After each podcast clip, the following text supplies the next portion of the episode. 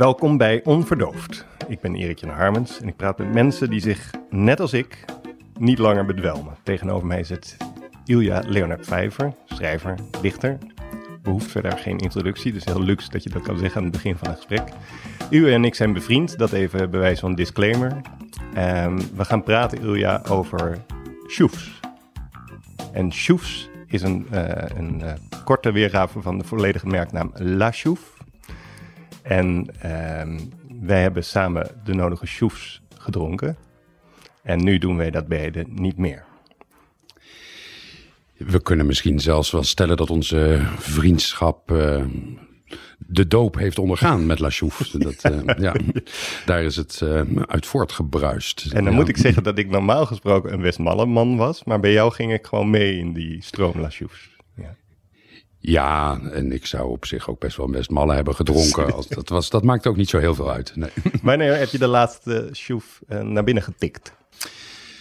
Was het überhaupt je laatste drankje? nee, nee, dat denk ik niet. Want in Italië dronk ik dat niet. Want daar is het. Je woont in Genua? Uh, ja, ik woon in Genua. En uh, Italië is geen bierland. En het is uh, al erg lastig om een normaal biertje te vinden. Laat staan speciaal bier. Van Peroni krijg je dan, ja. toch? Ja, je ja, krijgt een beetje dat van gewoon dat, een uilenzeik, zeg maar. van dat dorstlessende zomerbier. Ja, krijg vreselijk, ja.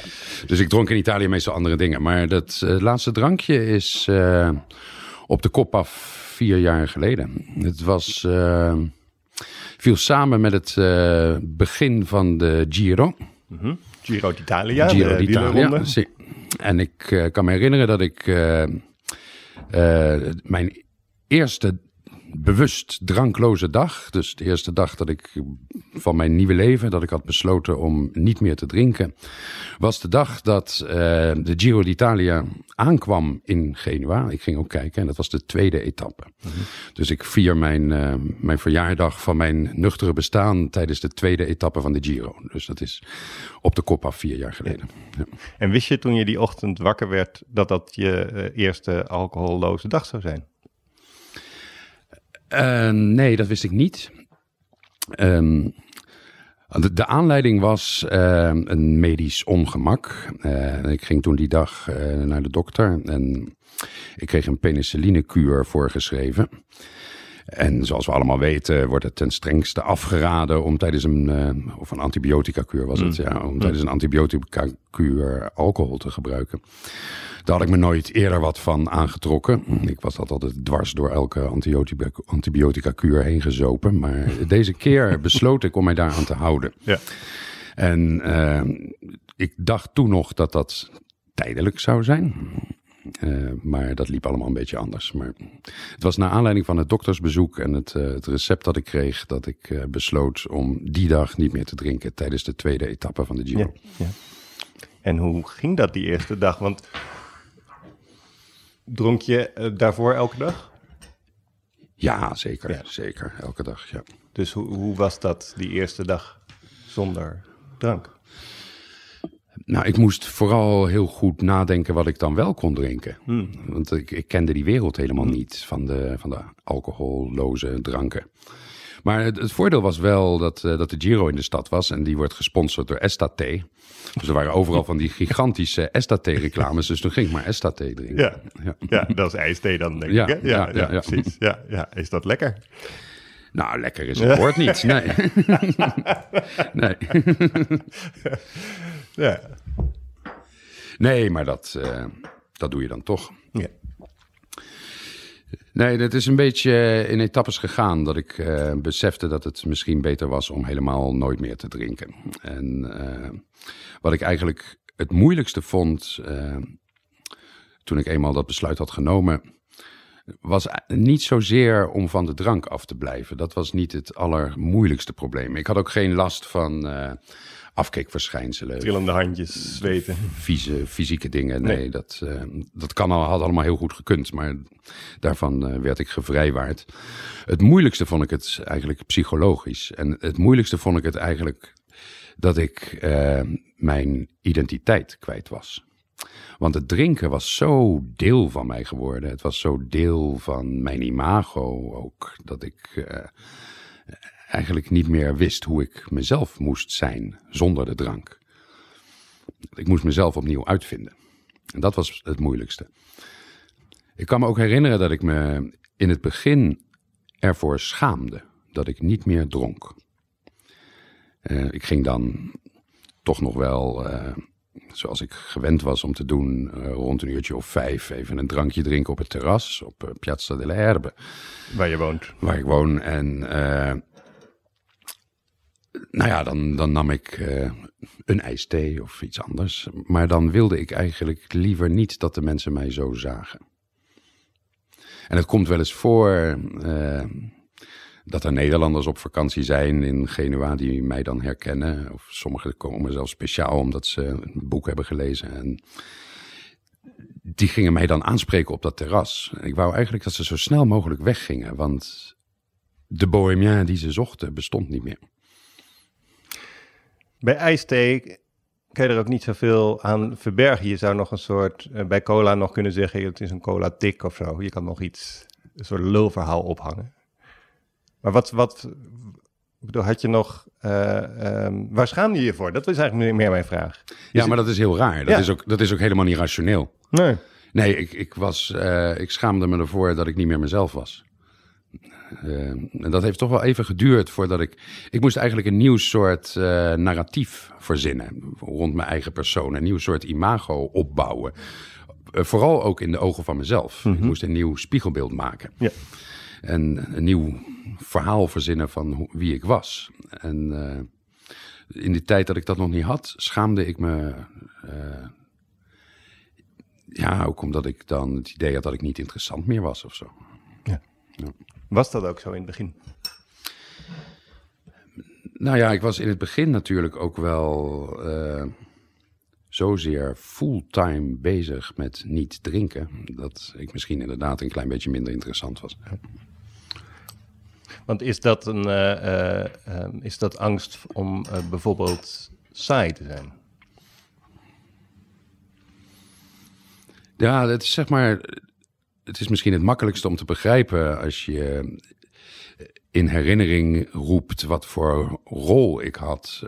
ik was een van de grootste drinkers van mijn generatie. En ik zat daar de hele avond audiëntie te houden op het terras. En die rol, die zat mij als gegoten. En dat bood ook bescherming, dat bood houvast. Mm. En, uh, ik was heel goed erin om die rol te spelen.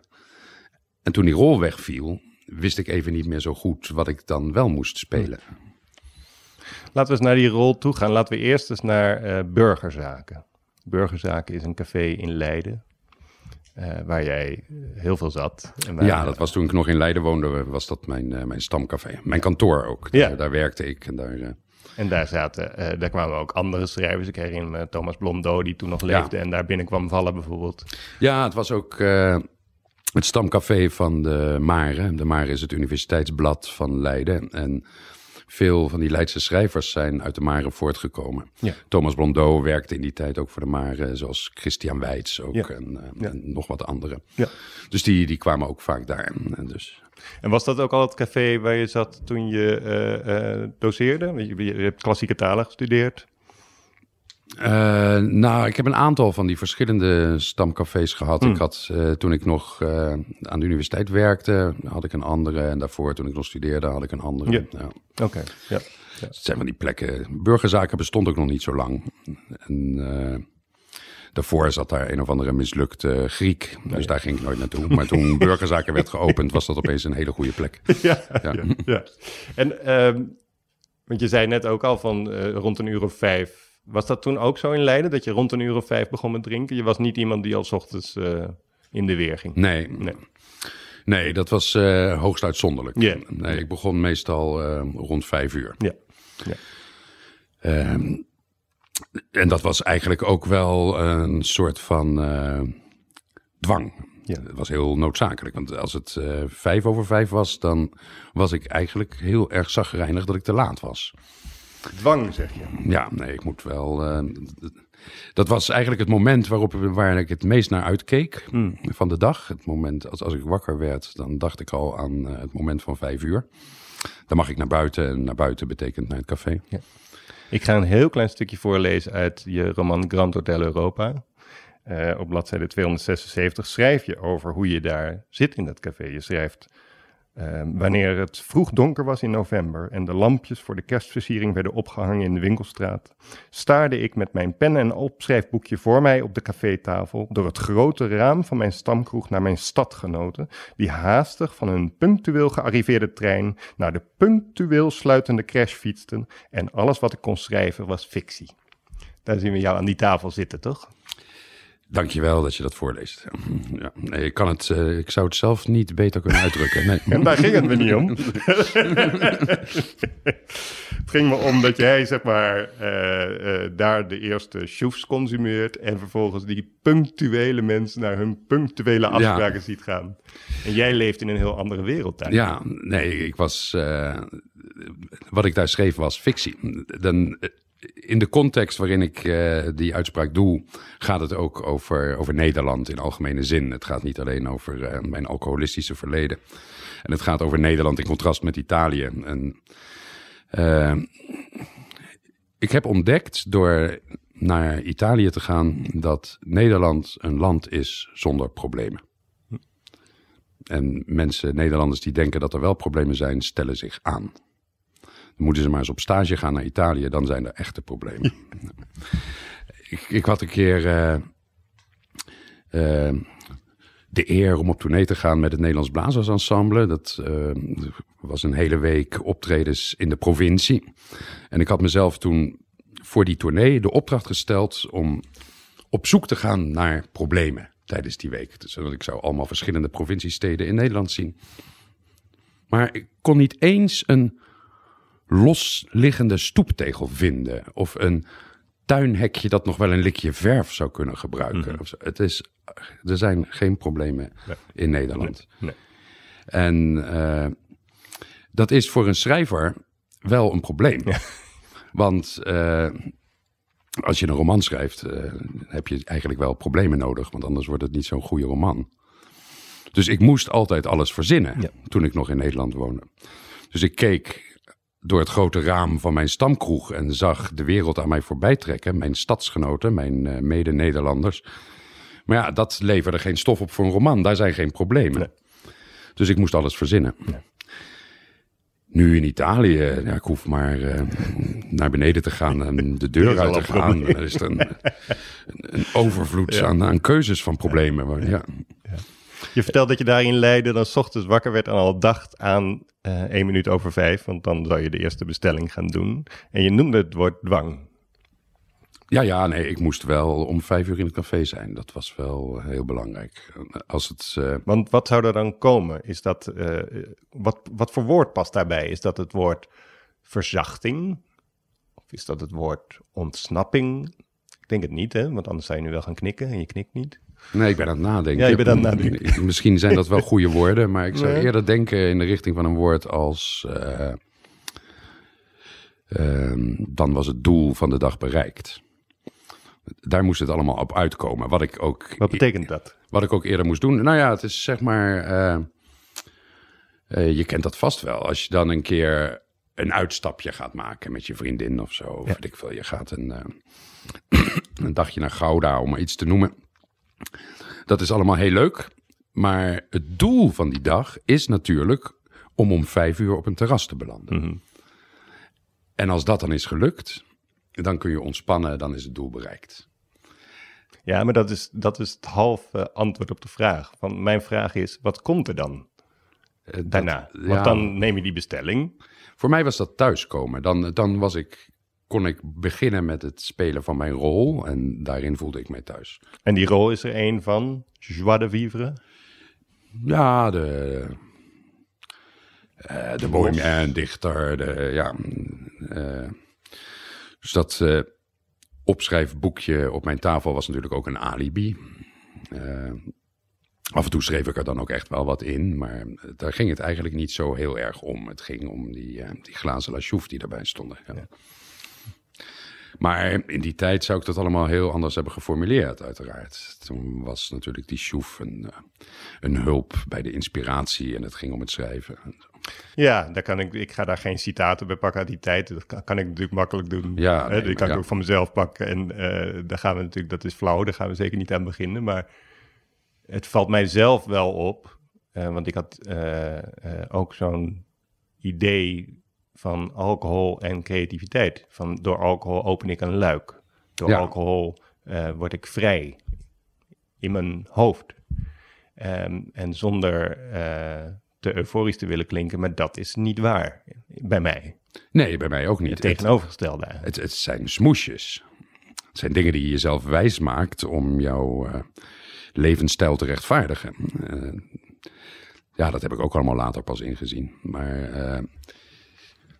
Maar waar komt dat vandaan? Dat idee dat, je crea- dat creativiteit te maken heeft met... Dus dat je door alcohol eh, creativiteit eh, opwekt. Het idee komt er vandaan natuurlijk eh, van, het, van het feit dat je door alcohol wat ongeremder wordt. Dat kan in sociale omstandigheden heel goed uitkomen. Eh, je, je- bent wat, wat losser in de omgang. En als je eh, met je pen in je hand voor een leeg blad papier zit, word je door alcohol misschien ook wat losser in de omgang met je blad papier. Je durft wat meer. Eh, dus het is misschien makkelijker om de drempel over te gaan en te beginnen iets te verzinnen. Dat gaat misschien makkelijker met alcohol. Maar vervolgens is het natuurlijk zeer de vraag of het ook daar beter van wordt. En dat is niet zo. Maar ik moet zeggen dat in, in mijn geval, eh, voor mijn werk, voor het schrijven, was het verschil tussen eh, mijn drinkende periode en mijn nuchtere periode eigenlijk minder groot dan je misschien zou denken. Want ik- ook toen ik veel dronk, eh, heb ik eigenlijk nooit echt dronken geschreven. Of misschien maakte ik wel een eerste versie als ik dronken was. Of eh, nou, als ik heel erg dronken was, dan deed ik dat ook niet. Want ik had wel geleerd dat dat totale onzin is. Eh, als je dat de volgende dag terugkijkt, dan kun je daar precies niks van gebruiken. Maar misschien in een licht aangeschoten staat schreef ik misschien wel een ruwe versie van iets. Maar altijd alles wat ik ook totdat ik stopte met drinken heb geschreven, heb ik ooit nuchter uitgewerkt op de computer en tien keer overdacht en dat soort dingen. Dus dat, eh, dat verschil was eigenlijk niet zo groot. Voor mijn leven, voor mijn dagelijks leven was het een heel, heel groot verschil. Maar voor mijn werk iets minder. Wat is het verschil voor je dagelijks leven? Ja, een van de grootste dingen die mij onmiddellijk opviel was, eh, waar ik ook heel erg van schrok, is hoeveel tijd ik opeens had toen ik stopte met drinken. Daar ging toch wel zo ontzettend veel tijd in zitten, in dat gezuip. ja, dat valt je verder niet op, want je kijkt op de klok en het is zes uur en je kijkt op de klok en het is eh, middernacht. Maar eh, ja, toen ik niet meer dronk, keek ik op de klok en het was zes uur. En dan keek ik nog een keer op de klok en het was vijf over zes. En dan kan je nog wel een ijsthee nemen. Nou, dan red je het misschien tot kwart over zes. Maar dan op een gegeven moment heb je er wel genoeg van en dan ga je iets anders doen. En dan heb je dus nog de hele avond voor je. En dat was wel een, een schok om dat te ontdekken. Maar ook wel een plezierige schok. Want je, ja, je kan dan dingen gaan verzinnen om die vrijgekomen tijd op te vullen. Ik ging dan leuke dingen doen met Stella. En, Stella is je vriendin. ja. We gaan nu s'avonds vaak eh, eh, naar theater, naar de film, eh, uit eten, weet ik veel. eh, met- bij mensen op bezoek. Eh, dat zijn allemaal activiteiten die ik vroeger met de grootst mogelijke tegenzin zou ondernemen. Want dat gaat allemaal maar ten koste van je kostbare drinktijd. Ja. Ja.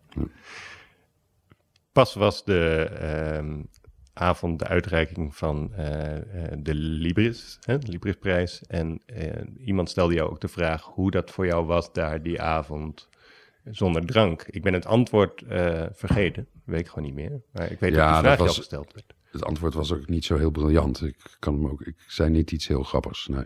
Dat hoeft ook niet. Maar eh, Maar het is wel, ik bedoel, je hebt dat soort eh, avonden natuurlijk onder invloed ervaren en Ja. nuchter ervaren. ja, En we hebben het over zoiets als succes, hè? want je bent dan genomineerd voor een grote prijs. Ja, nee, het, is, het is sowieso een, ik, ik vond heel mooi de metafoor die Esther Gerritsen daarvoor gebruikte. Voor zo'n avond in het Amstel Hotel, waar dan de winnaar van de Librisprijs bekend wordt gemaakt.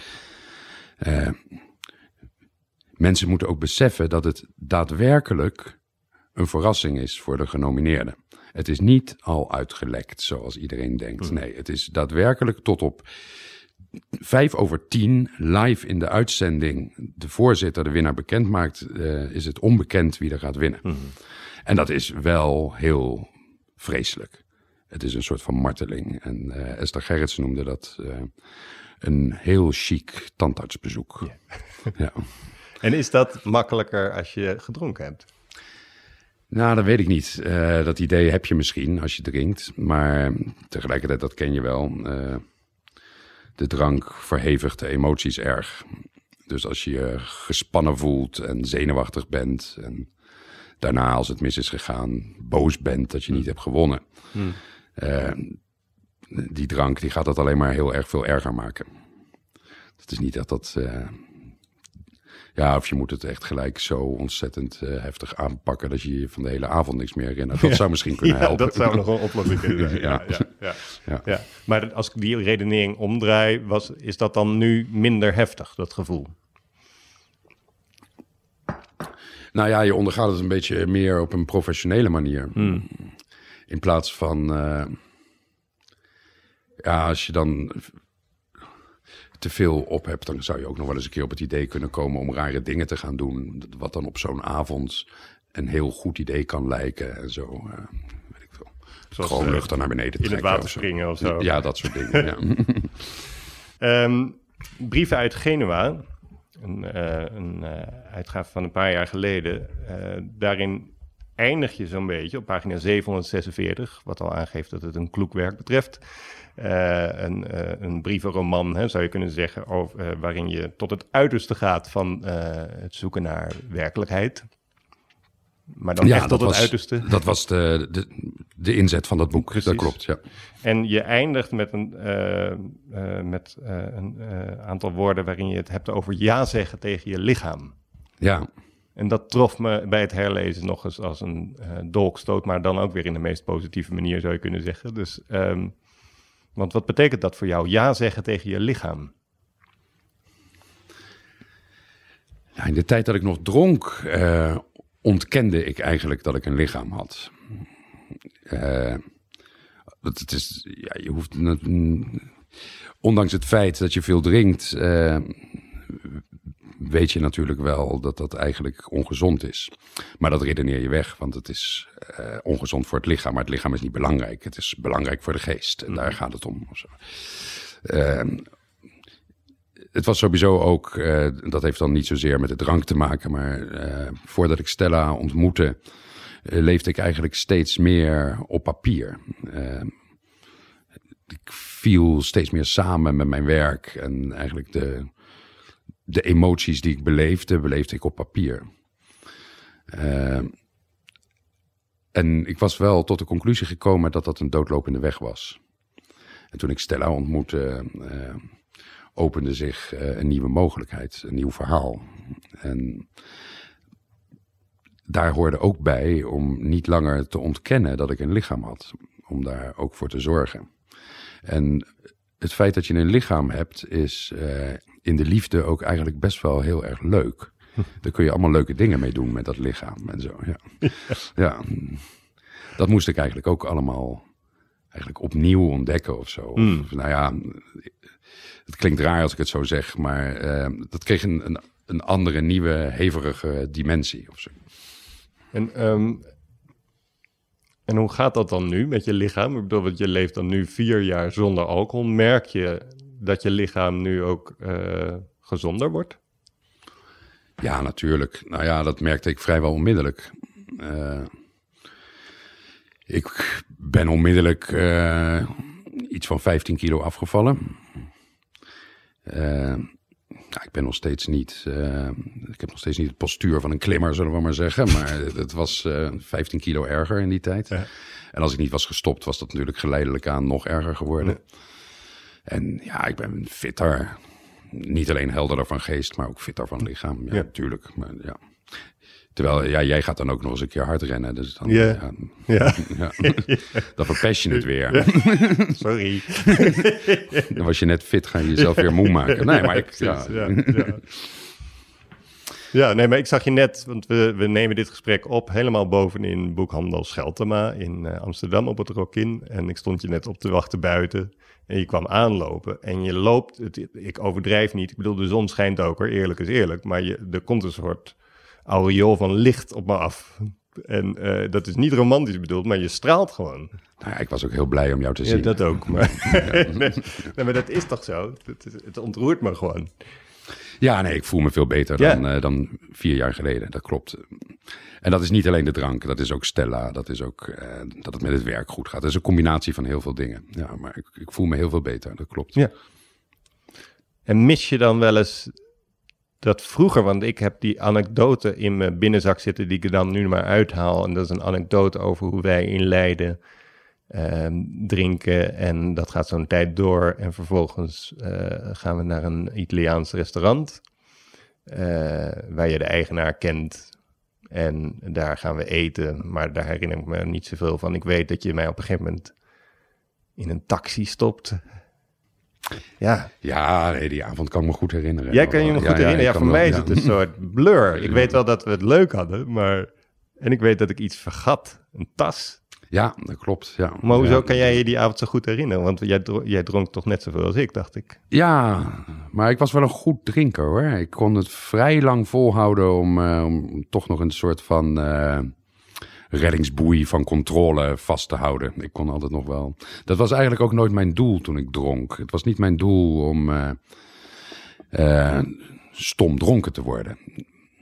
Het was, mijn doel was om een soort van aangename roes eh, te bewerkstelligen en dat vast te houden. Lukt niet altijd. Soms ga je dan natuurlijk toch wel weer te veel. En dan word je toch weer meer dronken dan je had gewild. Maar dat was eigenlijk nooit de bedoeling. Ik heb bij jou nooit decorumverlies gezien. Nee, dat heb, heb ik jij hebt wel- mij die bewuste nacht dus in een taxi gestopt. Ja, ja, ik heb voor je gezorgd. Je hebt ja. voor mij gezorgd, ja. Je Ja. hebt de, taxi betaald. Ja, dat is wel het minste wat ik kan doen. als En de volgende dag stond je weer ergens met die tas die ik vergeten Ja, was. ja. Maar hoezo, ik bedoel, hè, Nee, maar kon je daar zo goed tegen dat je, dat je, dat je nooit viel eh, in, het, in het openbaar of weet ik veel? Nou, dat is, een aantal keren is het wel misgegaan, maar dat zijn eh, weinige keren. Ja, nee, dat, ik probeerde altijd inderdaad wel het decorum vast te houden. Ik had ook eh, een aangename dronk. Ik werd niet eh, vervelend of agressief, zoals sommige mensen worden. Dus zeg maar, als ik echt te veel dronk, als ik eigenlijk zelfs mijn eigen overdreven hooggelegde lat overschreed, eh, dan was het gevolg vooral dat ik heel moe werd. Eh, en dan werd ik gewoon stil en stortte ik in en moest ik naar huis. Ja. In die toestand kun je weinig kwaad doen. Dus dat, ik, ben, ik ben daar dankbaar voor dat ik, eh, dat ik altijd op zo'n manier stil, kansloos af kon gaan. En had je nog trucs om eh, stabiel te blijven? Zeg maar, eh, ging je van tevoren ging je voorslapen of zo? Nee, nee, nee, dat soort trucs. Nee. Het was vooral eh, veel trainen. Ja, Ja. ja. ja, dagelijks trainen, ja. ja, ja, ja. Nee, maar ik, ik, bedoel, ik, ik, ik, ik, ik werd wel eens wakker op de pont of zo. En dan zag ik opeens Ja, alle ja, mensen naar me eh, kijken. Van, Het levert wel betere verhalen op. Ja, nee. dat is, eh, ik ben er wel een beetje jaloers op. Want. Zoals jij daarover schrijft in Hallo Muur, dat, eh, dat zou ik moeten verzinnen. Dat soort verhalen heb ik niet. nee. Helaas niet zo kleurrijk. Maar mag ik jou ook wat vragen? Zeker. Ehm, kijk, op een bepaalde manier verbaast het mij dat je mij deze vragen stelt. Hm.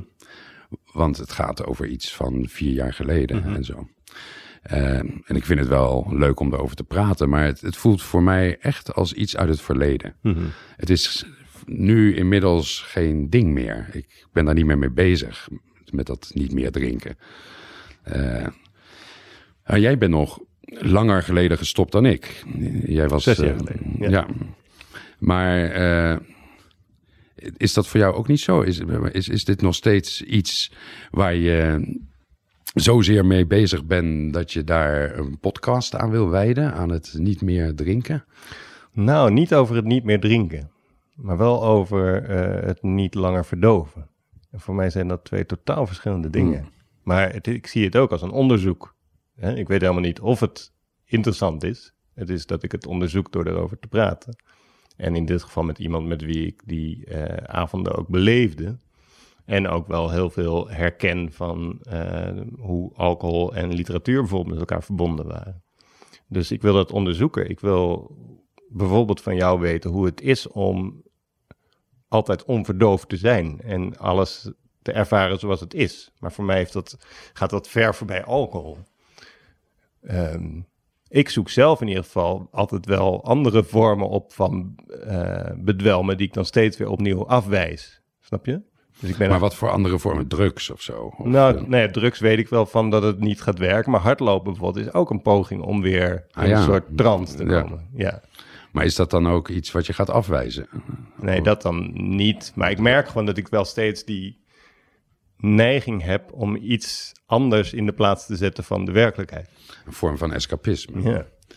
En zou eh, eh, schrijven ook een vorm van escapisme zijn volgens jou? Eh, als het goed gaat wel, ja. Want dan, dan kom je in, in een soort trip, ja. Hè? Maar dat, ik heb vaker dat ik steeds op word ges, opschrik, zeg maar, en weer uit die focus raak, ja. Ehm, maar, want als jij die vraag aan mij stelt, wil ik jou de vraag wel terugstellen. Van je, want je zegt, ik denk er niet meer aan, maar zijn er niet momenten dan dat je het nog moeilijk vindt? Eigenlijk niet, nee. nee. Die momenten zijn er geweest en die, die hebben ook best lang geduurd. En het waren ook wel, dus in het begin was het ook echt wel heel moeilijk. Het is denk ik wel het moeilijkste wat ik ooit heb gedaan. Stoppen met drinken. Maar eh, nee, dat, dat is nu niet meer zo. Ik, het gaan ook echt eh, dagen of weken voorbij dat ik daar niet meer aan denk. Dat het geen thema is. zo. Wat zou dat zeggen dan ehm, over ons? Dat ik daar, nou dan, want echt niet zozeer alleen maar met alcohol, maar dat ik nog wel zo geïnteresseerd ben in het onderwerp bedwelmen en verdoven. Terwijl er bij jou dagen, weken voorbij gaan dat je daar helemaal niet aan denkt. Wat zegt dat over ons? Ja, dat vraag ik mij ook af. Ja, Dat is precies ja. waarom ik jou die Ja. vraag stel. Ja. En ehm, nou ja, ik, ik- lees ook eh, jouw columns in, eh, in, in Trouw altijd. En eh, eh, ik weet ook wel dat jij soms de werkelijkheid op een heel heftige manier kunt ervaren. En op een heel storende manier kunt ervaren. Eh, dat heb ik niet zo. En ik kan wel begrijpen uit, uit wat je daarover schrijft, ook in, eh, in Door het Licht, dat, daar, dat in jouw geval de behoefte aan bedwelming groter is dan in mijn geval. Dat, dat kan ik denk ik wel begrijpen. Dus misschien dat het daarom eh, ook een urgenter thema voor jou is. Ja, ik snap het ook zelf niet zo goed waarom ik zo. Want ik heb. Eh, het gaat best goed. ik heb eh, eh, fantastische kinderen. Ik heb een hele lief vriendin. Ik ben tevreden met hoe het gaat qua carrière, loopbaan. En toch mis ik de bedwelming. En tegenover mij zit iemand die een hele lief vriendin heeft, vrienden heeft en met wie het goed gaat in, qua loopbaan, maar die mist het niet. Nee, ik mis het echt niet. Nou ja, het, het kan wel eens voorkomen dat ik het mis, maar eh, zoals bijvoorbeeld, ik realiseer me dat ik nu eigenlijk niet meer zo goed ben in feestvieren. Hmm. Dat vind ik eigenlijk niet meer leuk. Eh, maar als ik er go- goed over nadenk, eh, heb ik feesten eigenlijk nooit leuk gevonden.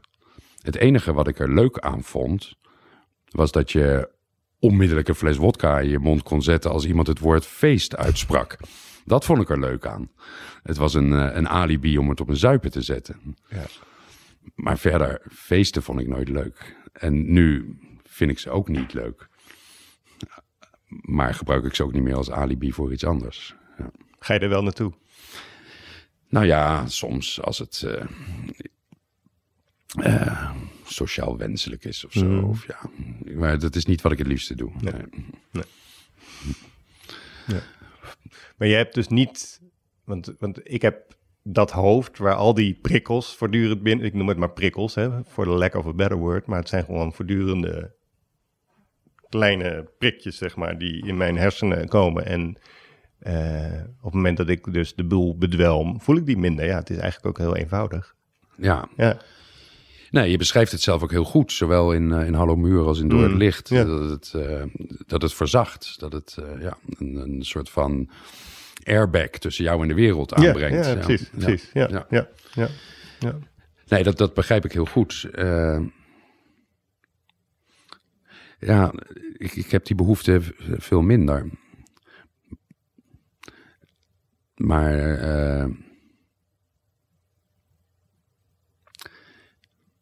nee, ik vind het juist ook wel heel prettig om, eh,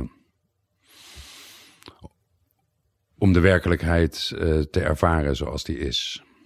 Ook al is de werkelijkheid vaak helemaal niet prettig. Maar toch vind ik het prettig om haar zo te ervaren.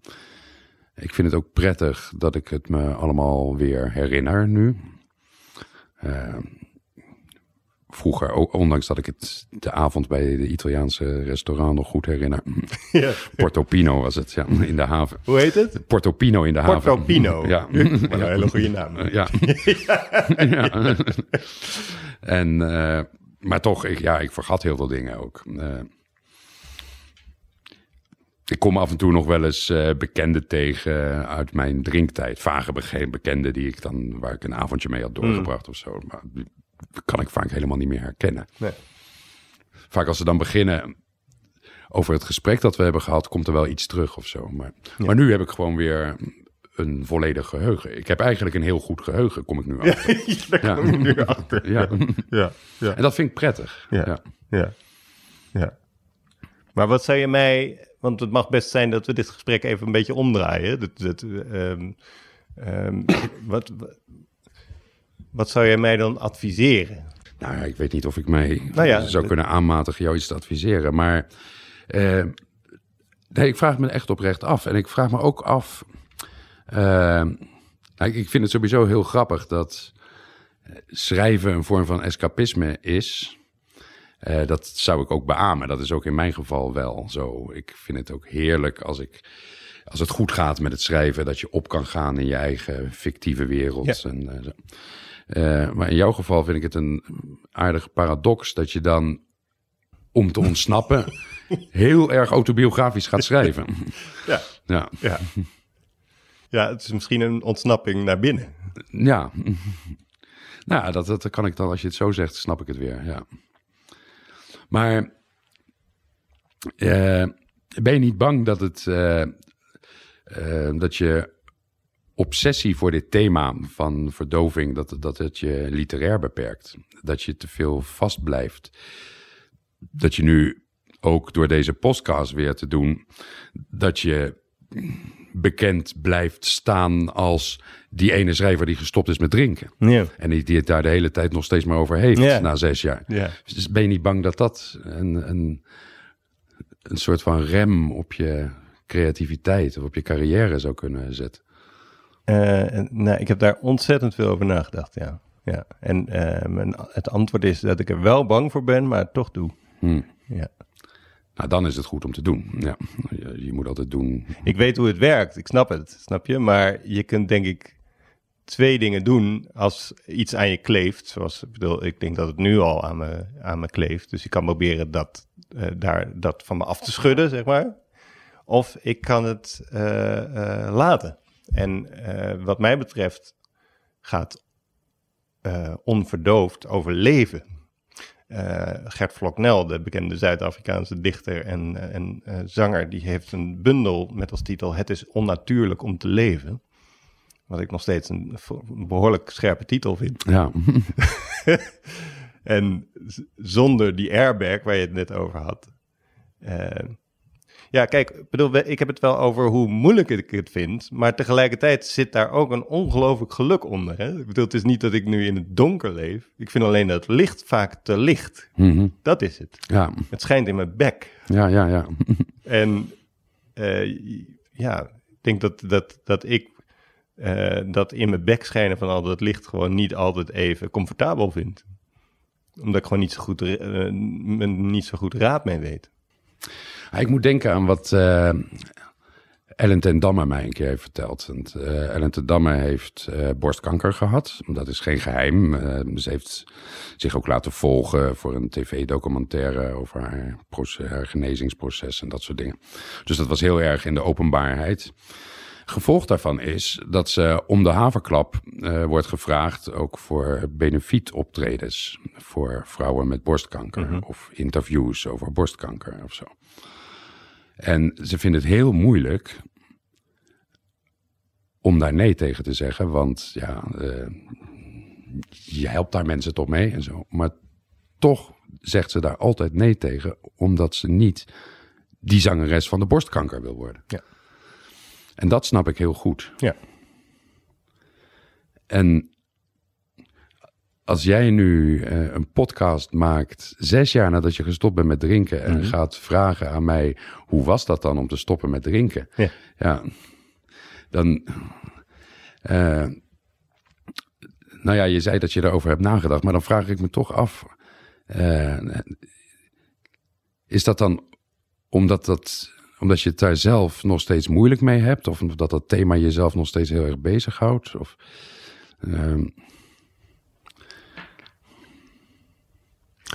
Um,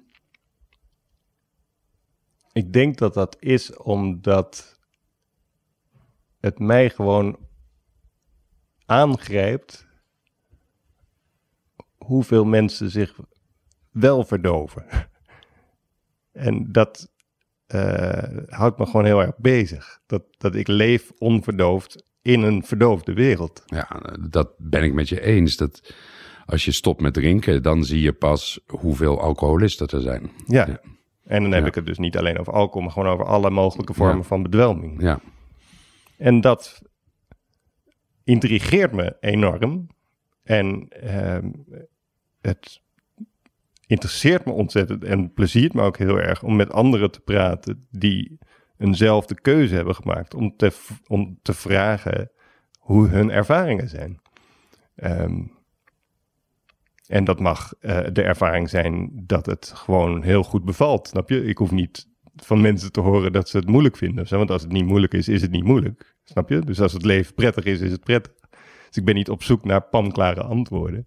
Maar ik ben gewoon ontzettend uh, geïnteresseerd in mensen die, die, die ook op die manier leven. Omdat we, omdat we maar met zo weinig zijn. Ja. Even los van alle gelovigen en dergelijke, maar gewoon, gewoon mensen die dit gewoon doen omdat ze ja zeggen tegen hun lichaam. Het is waar, het is, uh, we zijn in een minderheid. Dat is, uh, Ver in de minderheid. Ja, dat klopt. Ja. En ik vraag me gewoon af, hoe, in, hoe belangrijk is het dan dat ik me bezig ga houden met wat aan mij kleeft? Snap je? Hoe belangrijk het is, is het dan om te zeggen, ik doe dat niet, want anders ben ik die schrijver die niet meer drinkt? Nou ja, hoe belangrijk is dat? Ja. En ik geef bijvoorbeeld veel, nou niet al te veel, want dat, dat vind ik dus ook heftig, maar ik doe wel af en toe bijeenkomsten met mensen die niet meer drinken. Ja, ik weet dat. Ik, ik zie dat af en toe wel eens voorbij komen op Facebook. Dat Bijna altijd in een Van der Valk restaurant. Ik weet niet waarom dat is. Maar dat wordt altijd afgehuurd. en ik vind het ook fantastisch dat je met schrijven, die daar in zo'n Van der Valk restaurant in een zaaltje met mensen mag praten daarover. Ja, maar praat je dan als schrijver of praat nee, je als... praat je als mens. Ja, dan praat je als, als ex-alcoholist. Ja. Ja, ja, ja, ja, ja. Nou ja, maar ja, het, het zijn toch ook geen ontzettend aparte silo's of zo. We zijn schrijver, we zijn mens, dat loopt toch... Ja, ja, nee, oké. Ja. Dus dan zou ik moeten zeggen, ik doe dat niet, want anders ben ik, snap je? Wat ik, uh, wat ik heel krachtig en uh, ontroerend vond uh, in Hallo Muur, is dat het daarin zo ontzettend duidelijk wordt dat je op een gegeven moment gestopt bent eigenlijk vanwege je kinderen. Ja.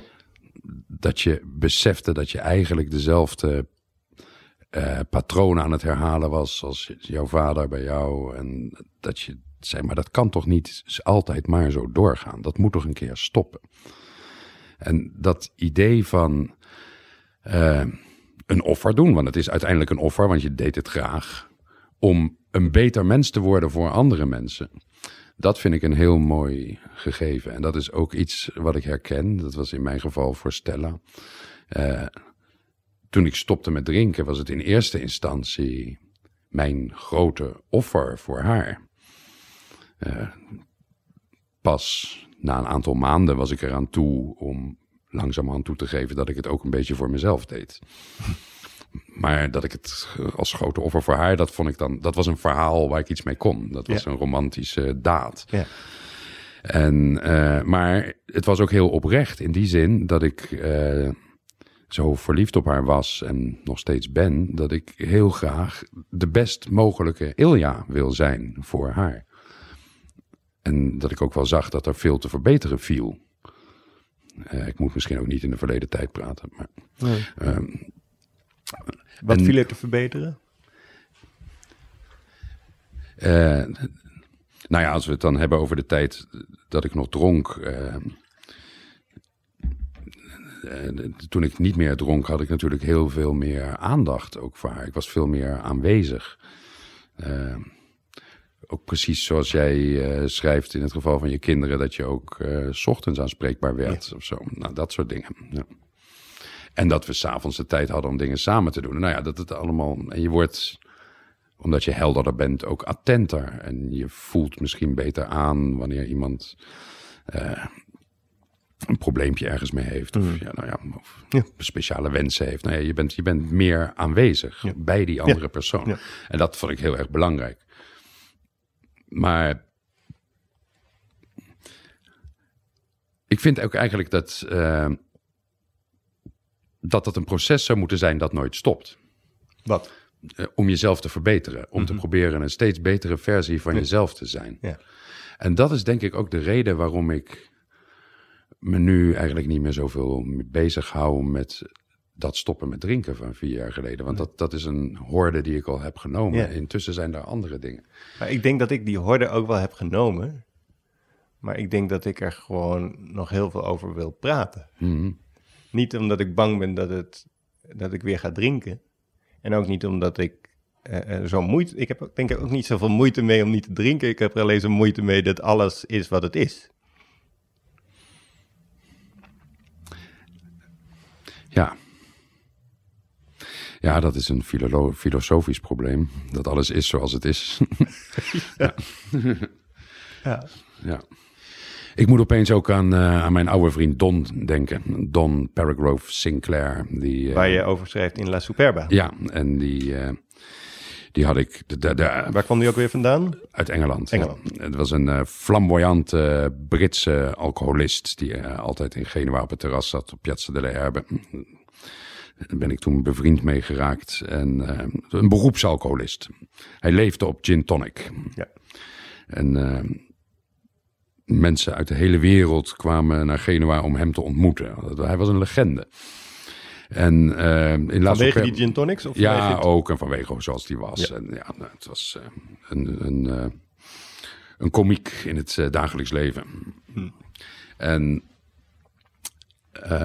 in La Superba heb ik hem op een gegeven moment doodgeschreven. Want ik wilde heel graag zijn begrafenis vert vertellen. Dus die heb ik verzonnen, die begrafenis. Hele mooie begrafenis. ik heb het hem ook verteld dat ik hem dood had geschreven. Hij vond het schitterend. Ja. twee jaar later, of drie jaar later, ging die echt dood. Maar de werkelijkheid was niet zo barmhartig om mijn fictie te volgen.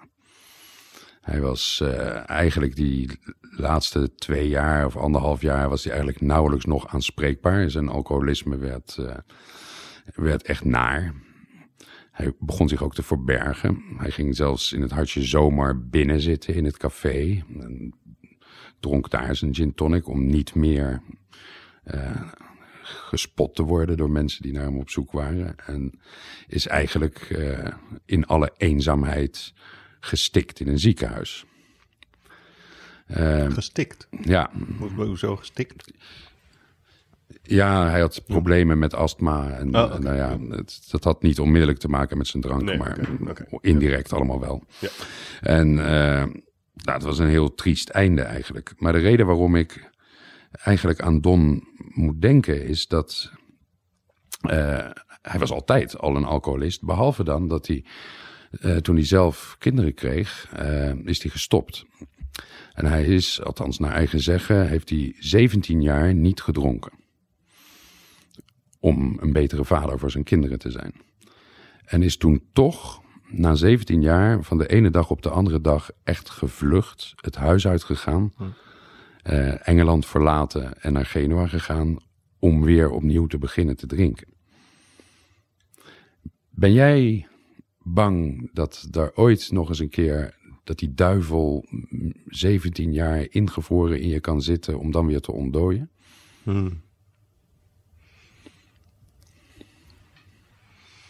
Oh, wat zou ik graag willen zeggen? Nee.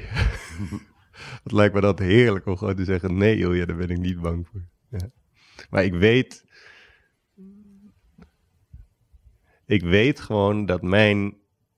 Naast eh, het. Kijk, naast het huidige beeld dat ik heb, wat, wat, wat ik zou willen betitelen als gelukkig. Hè, een staat van geluk. Die ik toch echt dagelijks ervaar, omdat ik heb. Heb ik tegelijkertijd een ander ideaal. En dat is een duister ideaal. En dit is niet geromantiseerd. Dit is gewoon eh, eh, wat er is. En dat is een ideaal van, nou, een beetje zoals Don. Verscholen in een café. Ik ben nooit een gin tonic man geweest, maar laten we, laat ik eens meegaan in gin tonics. En je zo helemaal het leplazen zuipen. Ja. Dat Misschien is het alleen de angst, hè? Misschien is het niet eens reëel, want ik heb niet, zoals vandaag heb ik werkelijk nog niet aan, nou ja, wel in aanloop naar dit gesprek, maar voor de rest was alcohol vandaag geen thema in mijn leven. Het is ook nog geen vijf uur. Maar ergens eh, eh, waarschijnlijk wel, ja. Jij niet? Ik weet het niet. Ik vind het eigenlijk ook misschien wel. eh, ik vind het bijna ook wel een prettige gedachte dat het nooit meer drinken in theorie helemaal niet definitief hoeft te zijn. ik kan altijd nog eh, besluiten tot een onbezorgde oude dag in een Thais bordeel of zo. Dat, eh, ja. Of misschien dat wij elkaar nog eens opzoeken over, eh, over 30 jaar. Ja. En dan besluiten om, om, om er weer eens een te pakken.